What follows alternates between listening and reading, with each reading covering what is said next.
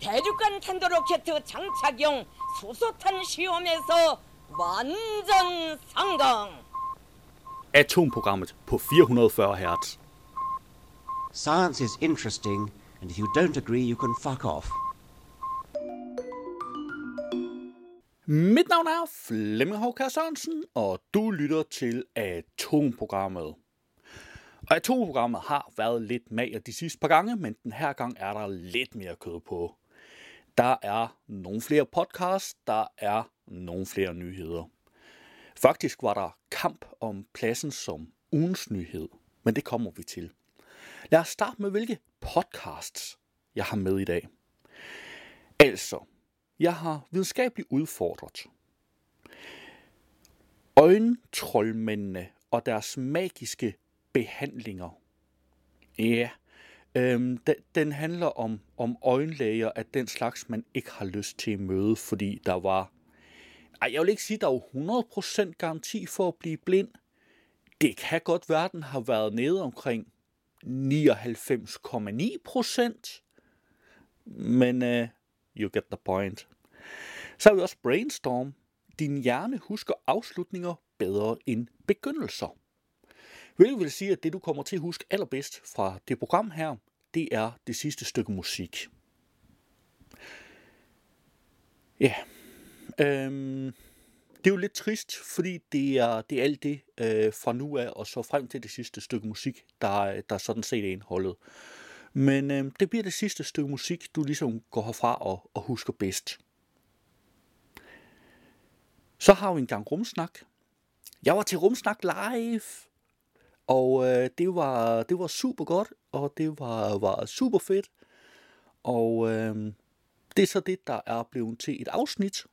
Øh, der er seneste afsnit, sæsonafslutningen. Og det handler om på mission til solen. Det handler om en masse af alt det der, vi, vi ved om solen, og hvordan vi ved, ved det, og sådan nogle ting. Og, uha. Altså sidste gang, der handlede de mystiske dyr blandt andet om øh, muligvis menneskespisende træer og parasitter, der, øh, hvis de i hvert fald sidder i en mus, får musen til at, og ligesom forsøge at blive fanget af en kat. Øhm, der er endnu ikke nogen, der helt ved, hvordan de, de parasitter de fungerer i mennesker. Men altså, hvis du har mange katte, så tænker jeg, det kunne være derfor. Øhm, det har jeg intet grundlag for at, at sige øh, i øvrigt.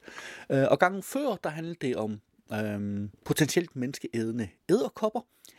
Øh, den her gang, jamen det handler om Stellers søko, og den forsøger ikke at spise mennesker. Nej, er det ikke fantastisk? Øh, og så handler den lidt om havfruer, og de forsøger så vidt vides heller ikke at spise mennesker, men skulle et eller andet sted være øh, relateret til mennesker. Så øh, det, er, øh, det er et helt fantastisk afsnit. Øh, der, er, der er slet ikke noget, der forsøger at spise dig. Og det er jo egentlig rigtig godt, fordi det er utrolig dårligt for lytterantallet, hvis det bliver spist af diverse øh, kæmpe æderkopper og træer. Der er også nogle gange vanvittig verdenshistorie. Vilde diæter. Asbest og guld gør maven fuld. Ja, og så kan du godt selv regne ud, hvor den er på vej hen, ikke også? Men øh, de lavede faktisk også en øh, ekstra lille sær-episode hos øh, Vanvittig Verdenshistorie. Og det gjorde de øh, til støtte for noget øh, hjemløs øh, halløj. Og øh, den her, den hedder Hjælp din næste. Og den handler om amerikanske hobos. Fordi der er åbenbart forskel på øh, hobos, tramps og bombs. Alt det, det bliver du meget klogere på hvis du lytter til, til Vanvittig Verdenshistorie. Øh, og så har vi Science Stories, viden der virker. Jeg har ikke haft øh, tid til at høre den, men øh, da jeg ligesom øh, lavede klippet, der skulle med her i oversigten, der lød det i hvert fald utrolig spændende. Øh, det handler lidt om, om så vidt jeg har forstået, problemerne med at få forskning taget seriøst, uanset hvor solid og hvor rigtigt det er. Og, øh, og Transformator. Jamen, det er et eller andet sted bare sådan en form for yndlingspodcast. Det er ikke hver gang, den er med her. Og det er selvfølgelig, fordi det ikke hver gang, der er noget, der, øh, der er relevant. Det er ingeniøren, der udgiver den, så det er mere, du ved, ofte ingeniørorienteret. Øh, men ofte så er der faktisk også noget, der er sådan almindelig øh, generelt interessant. Og den her gang, der hedder afsnittet Elefanten i det sorte hul og andet godt fra videnskabens grænseland. Og den har jeg så heller ikke haft tid til at høre. Jeg har nemlig, øh, jeg har nemlig deadline lidt tidligt her lørdag morgen. Og øh, jeg har ikke nået at høre noget som helst, faktisk. Jo, jeg har nået at høre øh, ugens øh, nyhedsopdatering fra NASA, This Week at NASA, den vi slutter det hele af med. Men det er også det eneste, jeg har nået at høre. Og det er fordi, jeg er på vej til Fårup Sommerland. Og hvorfor er det nu relevant for udsendelsen her? Jo, fordi Vanvittig Verdenshistorie kommer til få Sommerland og optager to Pixie-afsnit. Og jeg har selvfølgelig tænkt mig, at jeg skal være der. fordi de er simpelthen super underholdende. Og jeg kunne vel strengt taget godt have fortalt noget før, at de ville komme til, uh, til for sommerland og sådan ting. Men hvis man ligesom skal, altså hvis jeg også skal til at have et segment, der hedder, øh, hvornår kommer de forskellige øh, podcast-serier rundt og, og optager live uh, episoder, så, så bliver det for det første stort arbejde at holde øje med. Um, for det andet, så tror jeg egentlig heller ikke, det vil være særlig interessant fordi jeg vil for eksempel, jeg, jeg sidder øh, i Lykstør i Nordjylland. Jeg er ikke så, altså jeg holder ikke så meget øje med, hvad der bliver optaget i København for eksempel. Øhm, og for folk i København, der er det ikke så interessant øh, at, at høre, hvad der bliver optaget inden for en radius af 100 km fra Løgstør. Så det er sådan lidt, øh, det, det kan godt gå hen og blive lidt kedeligt. Så skal vi ikke holde os til ting, vi ligesom kan høre øh, enten i radioen eller ved at klikke på et link i show notes. Det, det tænker jeg vil, vil være en fordel. Nå, men jeg har også nogle nyheder med, og der var som sagt kamp om pladsen som ugens nyhed. Men en af de nyheder, jeg er med, det var forsker. Stop med at råbe, ulven kommer om golfstrømmen. Jeg har også den her, og det var faktisk den, jeg oprindeligt valgte som ugens nyhed. Kentan fra Denisova er fundet i uventet del af verden, konkluderer Villerslev studie. Og øh, den satte jeg som ugens nyhed, og det var sten sikkert dem det ugens nyhed. Det gjorde den så ikke. Den tabte. Men øh, det kommer vi til senere. Tungmetaller i kroppen kan forstærke udviklingen af anto, an, anti, antibiotikaresistente bakterier, hvis Flemming han kunne snakke. Hvilket egentlig kunne være fedt, når Flemming laver radio. Øhm, vi har også enæggede tvillinger vokset op i hver sit land. Nu har forskerne sammenlignet dem.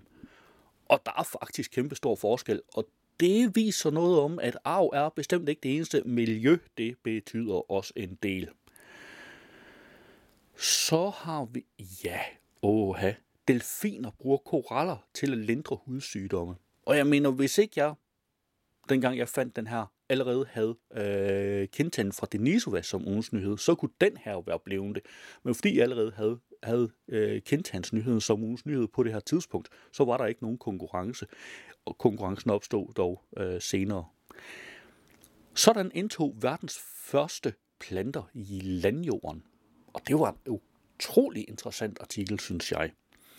Og så den, der endte med at blive ugens nyhed – fordi den kunne jeg simpelthen ikke, øh, den kunne jeg ikke ignorere. Og et eller andet sted sejlede den så ikke i den kort nyhedsoversigt. Så den bankede Denisova-tanden af, af pladsen som ugens nyhed. Og det er, forskere angriber DR. Ny programserie spreder fake news.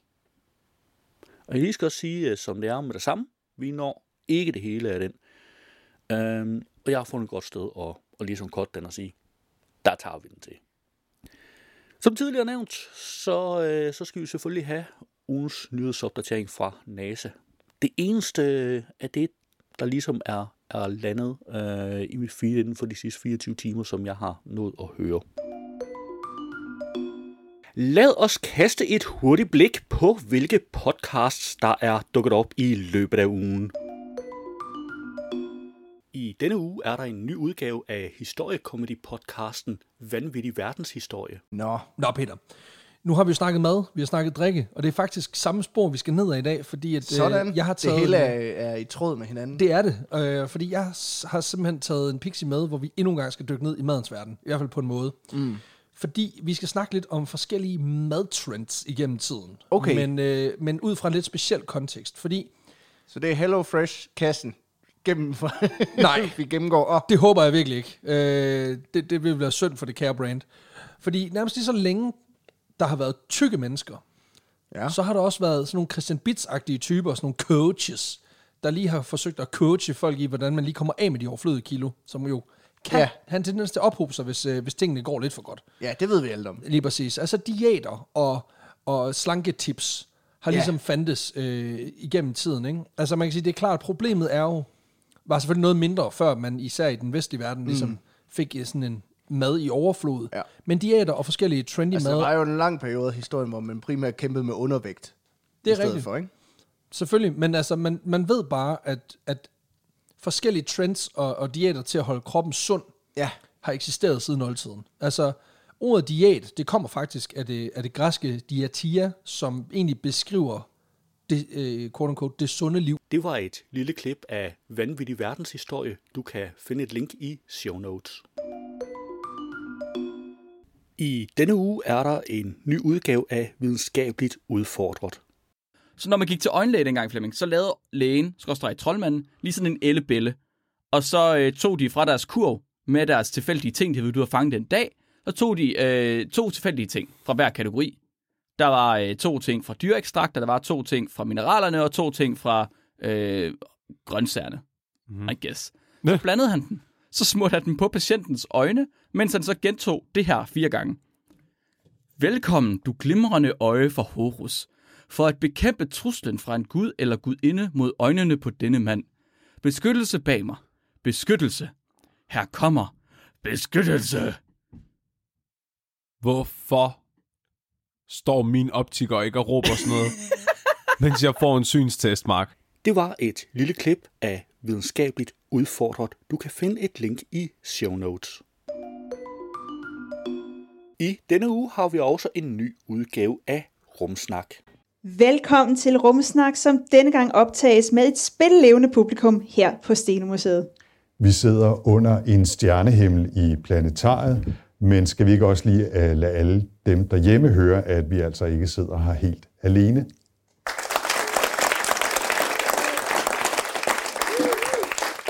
Vi sidder her badet i rødt lys under stjernerne i kuplen i planetariet. Og Åse, hvor mange stjerner er der egentlig? Altså, der er dem, som man kan se på himlen, og det er cirka 3.000 stjerner. Cirka 3.000 stjerner kan vi se her øh, på, på planetariet. Det røde lys er, er her, kan jeg sige til dem, der sidder her selvfølgelig, fordi det ikke ødelægger nattesynet så meget, og så kan man bedre se op på de flotte stjerner i, i kuplen. Og hvis man har lyst til at være med derhjemme, jamen, så kan man jo slukke alt lys, og så tage en, øh, en baglygte øh, fra en cykel og lyse lidt med den. Så kan det være, at I får lidt øh, stemningen af, hvordan det er at, at lytte rumsnak i dag, eller I kan bare lukke øjnene. Det er sådan, det, jeg synes, der er sådan lidt, måske lidt sådan eerie, lidt uhyggeligt med det røde lys. Ja, jeg synes ved egentlig, jeg det er meget. Det er hyggeligt, måske lidt faktisk. hyggeligt. Ja, Ja, men du er, også, du er sådan lidt mere til horror, end, øh, end jeg er, tror jeg, Anders. okay. Ja. Nå, men i denne her episode, der kommer vi til at sætte fokus på vores nærmeste stjerne, solen, og vi har hele tre fantastiske gæster med til at gøre os klogere på den. Det var et kort klip fra Rumsnak, og du kan naturligvis finde et link i show notes. I denne uge er der en ny udgave af Videnskab.dk's Brainstorm podcast. Nå, Asbjørn, vi har læst om en ny regel, som øh, fortæller os, at øh, det er fuldstændig ligegyldigt, hvad vi siger i starten af podcasten. Ja, i hvert fald efterfølgende, i forhold til, hvad I derude kommer til at huske. Så er det. Så øh, Spild arbejde i alle de år. Og vi brugte så meget tid på at lave sådan nogle lækre start. Starter. det slutter nu. Mine damer og herrer, her er endnu en kendskærning om hjernen. Du lytter til en videnskab.dk-podcast, støttet af Lundbækfonden. Velkommen til Brainstorm. I denne episode undersøger vi en af hjernens genveje, The Peak End Rule. Og den forsker, hvis hjerne vi plukker, er Thomas Alrik Sørensen. Og mit navn er Jais Bakkestrom Kok. Og jeg hedder Asbjørn Mølgaard Sørensen. Velkommen, Velkommen til Brainstorm.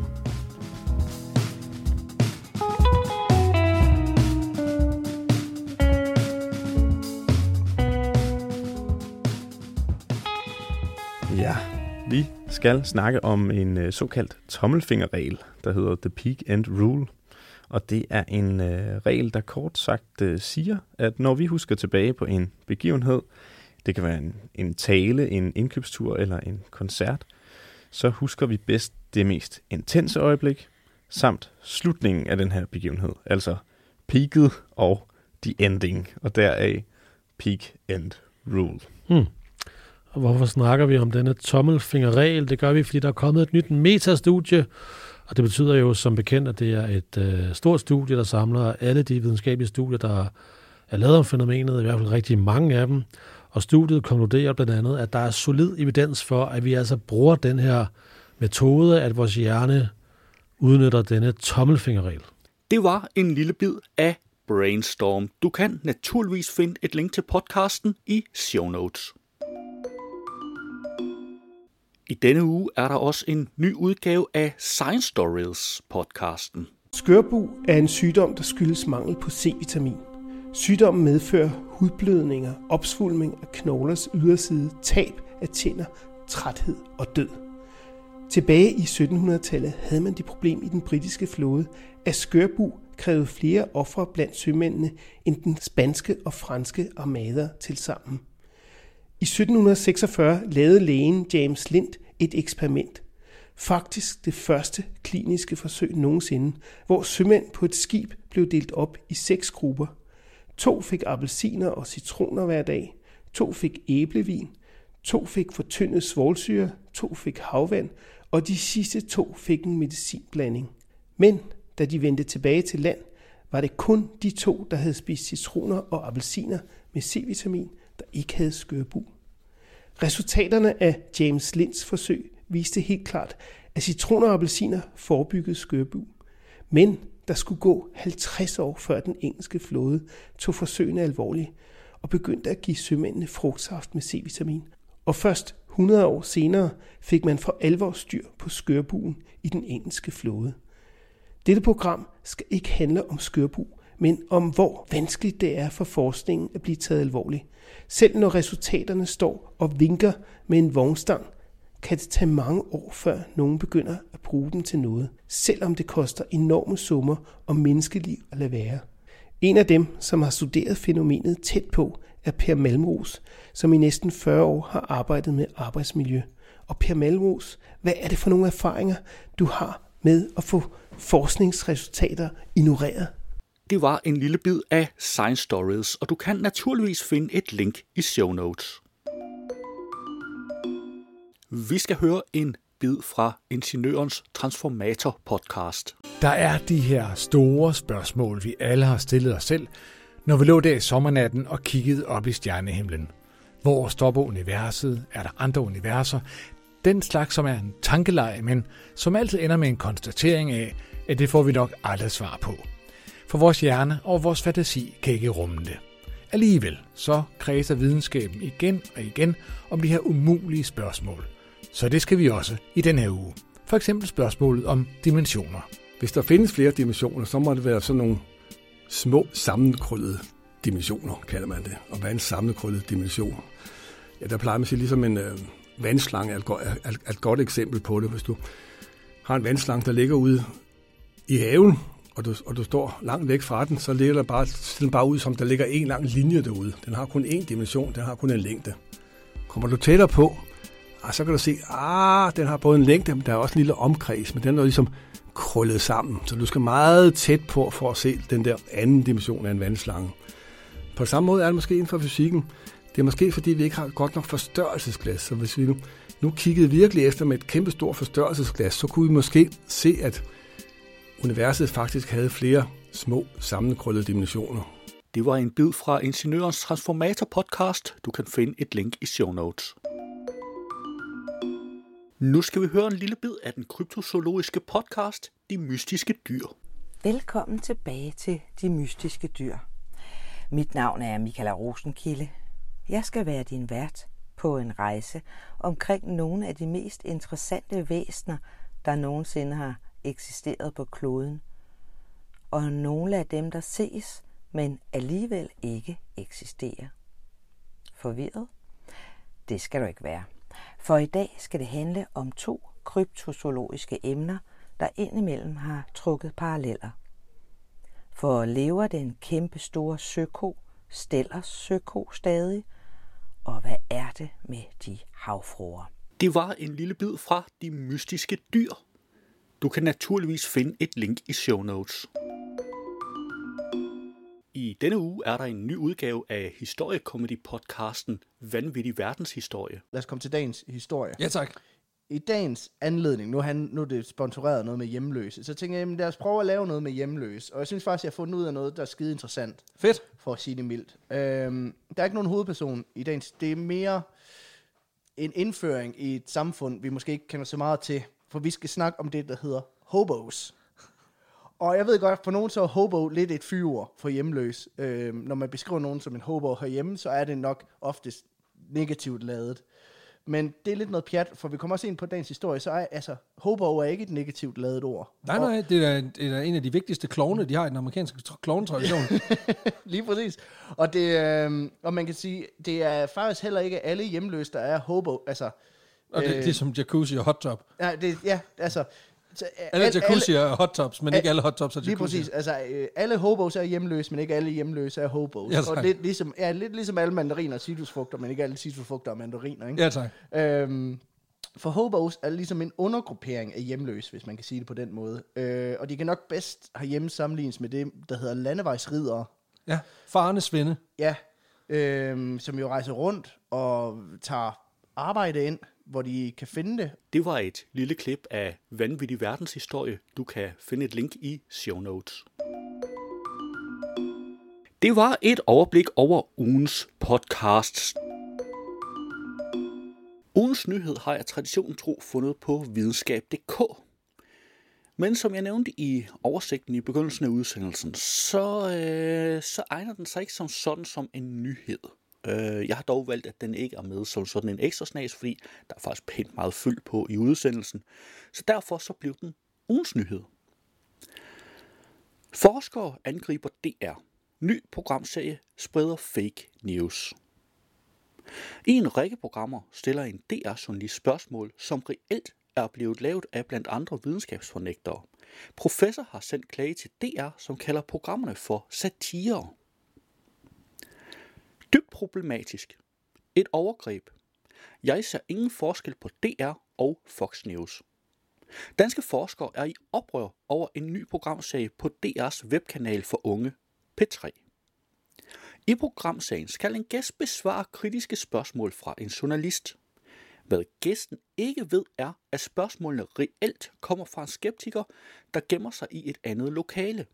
Skeptikeren fortæller i journalistens øresnegl, hvordan det næste spørgsmål til gæsten skal lyde.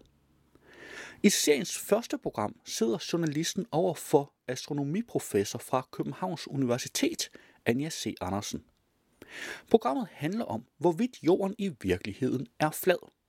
Stik modsat hvad Anja C. Andersen tror, kommer spørgsmålene ikke fra DR's journalist, men fra en flat earther. Flat eartherne er overbeviste om, at alt etableret naturvidenskab er totalt på vildspor, når den fortæller os, at jorden er rund. Hvordan har du det med, at navnet NASA er så tæt på nazi, lyder første spørgsmål, som journalisten stiller fra den skjulte flat earther Ole Lockham. Undervejs fortæller han, at han ved, at jorden er flad, fordi han har set det med sine egne øjne. Fladjordsfolkene bruger jo videnskabelig metode. I bruger mere forklaringer, påstår journalisten med Ole Lokham i øret.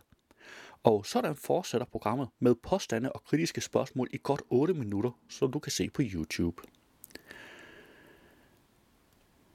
Anja C. Andersen er rystet over, at udsendelsen har vist sig at være noget helt andet, end hun oplever at have fået fortalt af journalisten, før programmet blev optaget.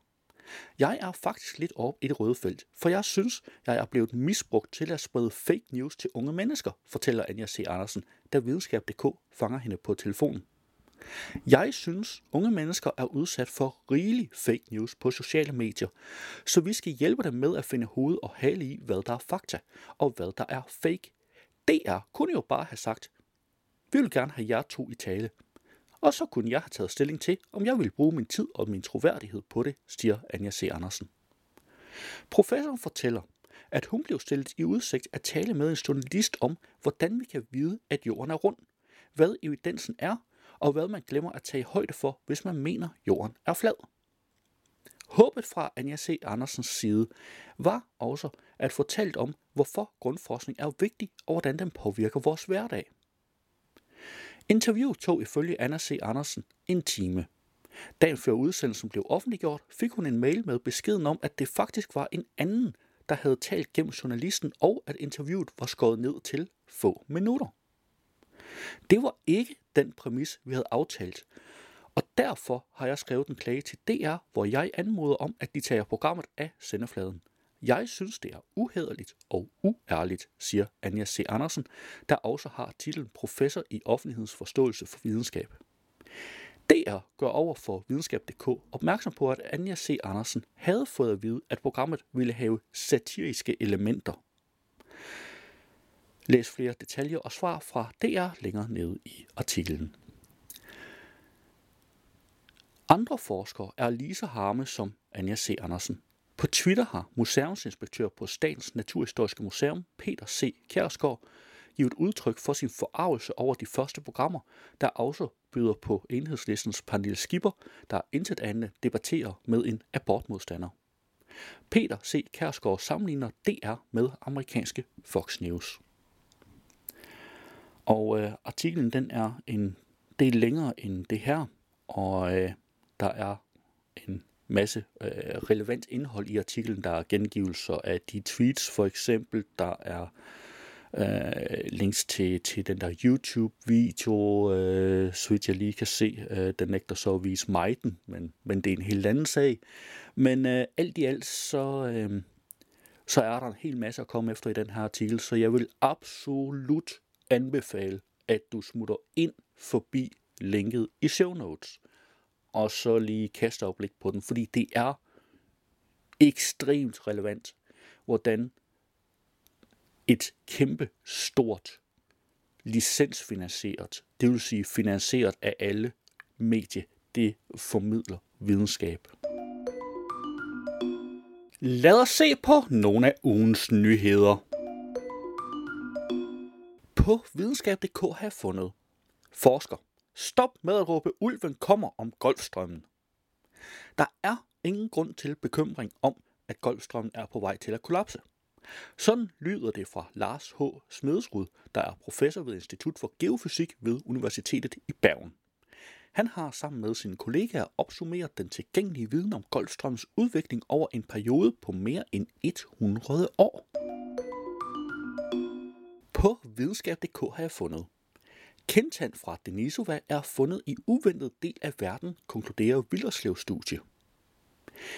Længe har det tydet på, at den nyopdagede menneskeart Denisova kun levede i Sibirien og Himalaya. Men det var ikke tilfældet. For i et nyt studie, udgivet i Nature Communications, viser forskere, at en kintan, der blev fundet en grotte i det nordlige Laos i 2018, højst sandsynligt stammer fra en Denisova-pige. På ingeniøren har jeg fundet, tungmetaller i kroppen kan forstærke udviklingen af antibiotikaresistente bakterier. Kontakt med tungmetaller såsom bly, kviksøl og sølv kan skabe antibiotikaresistente bakterier, viser et nyt studie fra University of Wisconsin. Forskerne har undersøgt 695 mennesker ved at tage prøver af hud i næsen, spyt og afføring, ifølge Science, Scientific America. Studiet viser os, at det oftest er personer, der bor i tæt befolkede områder, der bærer på bakterierne. Det er også her, eksponeringen for tungmetaller er størst. På videnskab.dk har jeg fundet, enæggede tvillinger vokset op i hver sit land. Nu har forskerne sammenlignet dem. Et hold forskere har kigget nærmere på et sæt enæggede tvillinger, der blev skilt tidligt i deres liv. Og her finder de nogle overraskende resultater. Der er blandt andet hele 16 point til forskel i IQ'en hos de to søskende. Tvillingeparet, der indgik i studiet, blev født i Sydkorea i 1974, men blev skilt fra hinanden, da de var to år gamle, fordi den ene forsvandt på et marked. Man fandt aldrig forældrene, og den ene tvilling endte med at blive adopteret af et par i USA.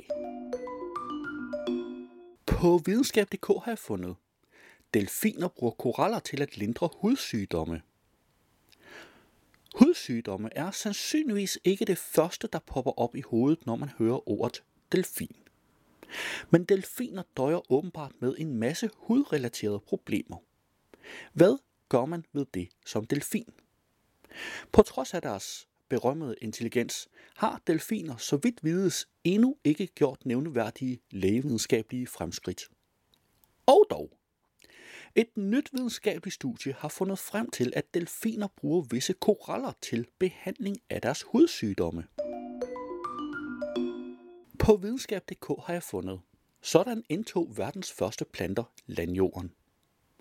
For omkring 470 millioner år siden gik verdens første planter i land på en jord, der var dækket af sten. Planterne begyndte en ny tilværelse, fra at have levet som alger i havet til at blive til landplanter. Og det skridt har siden dannet grundlag for alt liv på landjorden. Men det har ikke været en nem overgang for algerne. På landjorden mødte de nemlig svampe, der selv var krybet på land for 100 millioner år forinden for at finde næring. Det var ugens nyheder, og du kan naturligvis finde links til samtlige artikler i show notes. Hvis du havde hørt radioudgaven, så ville her være denne uges udgave af NASA's nyhedspodcast This Week at NASA, men den er ikke inkluderet i podcastudgaven af udsendelsen. Du kan finde et link til den i show notes. Det var atomprogrammet for denne gang. Du skal have tak, fordi du lyttede med, og vi lyttes ved næste gang. Atomprogrammet er hjemhørende på 440 Hz. Du kan finde mere på 440 Hz.net.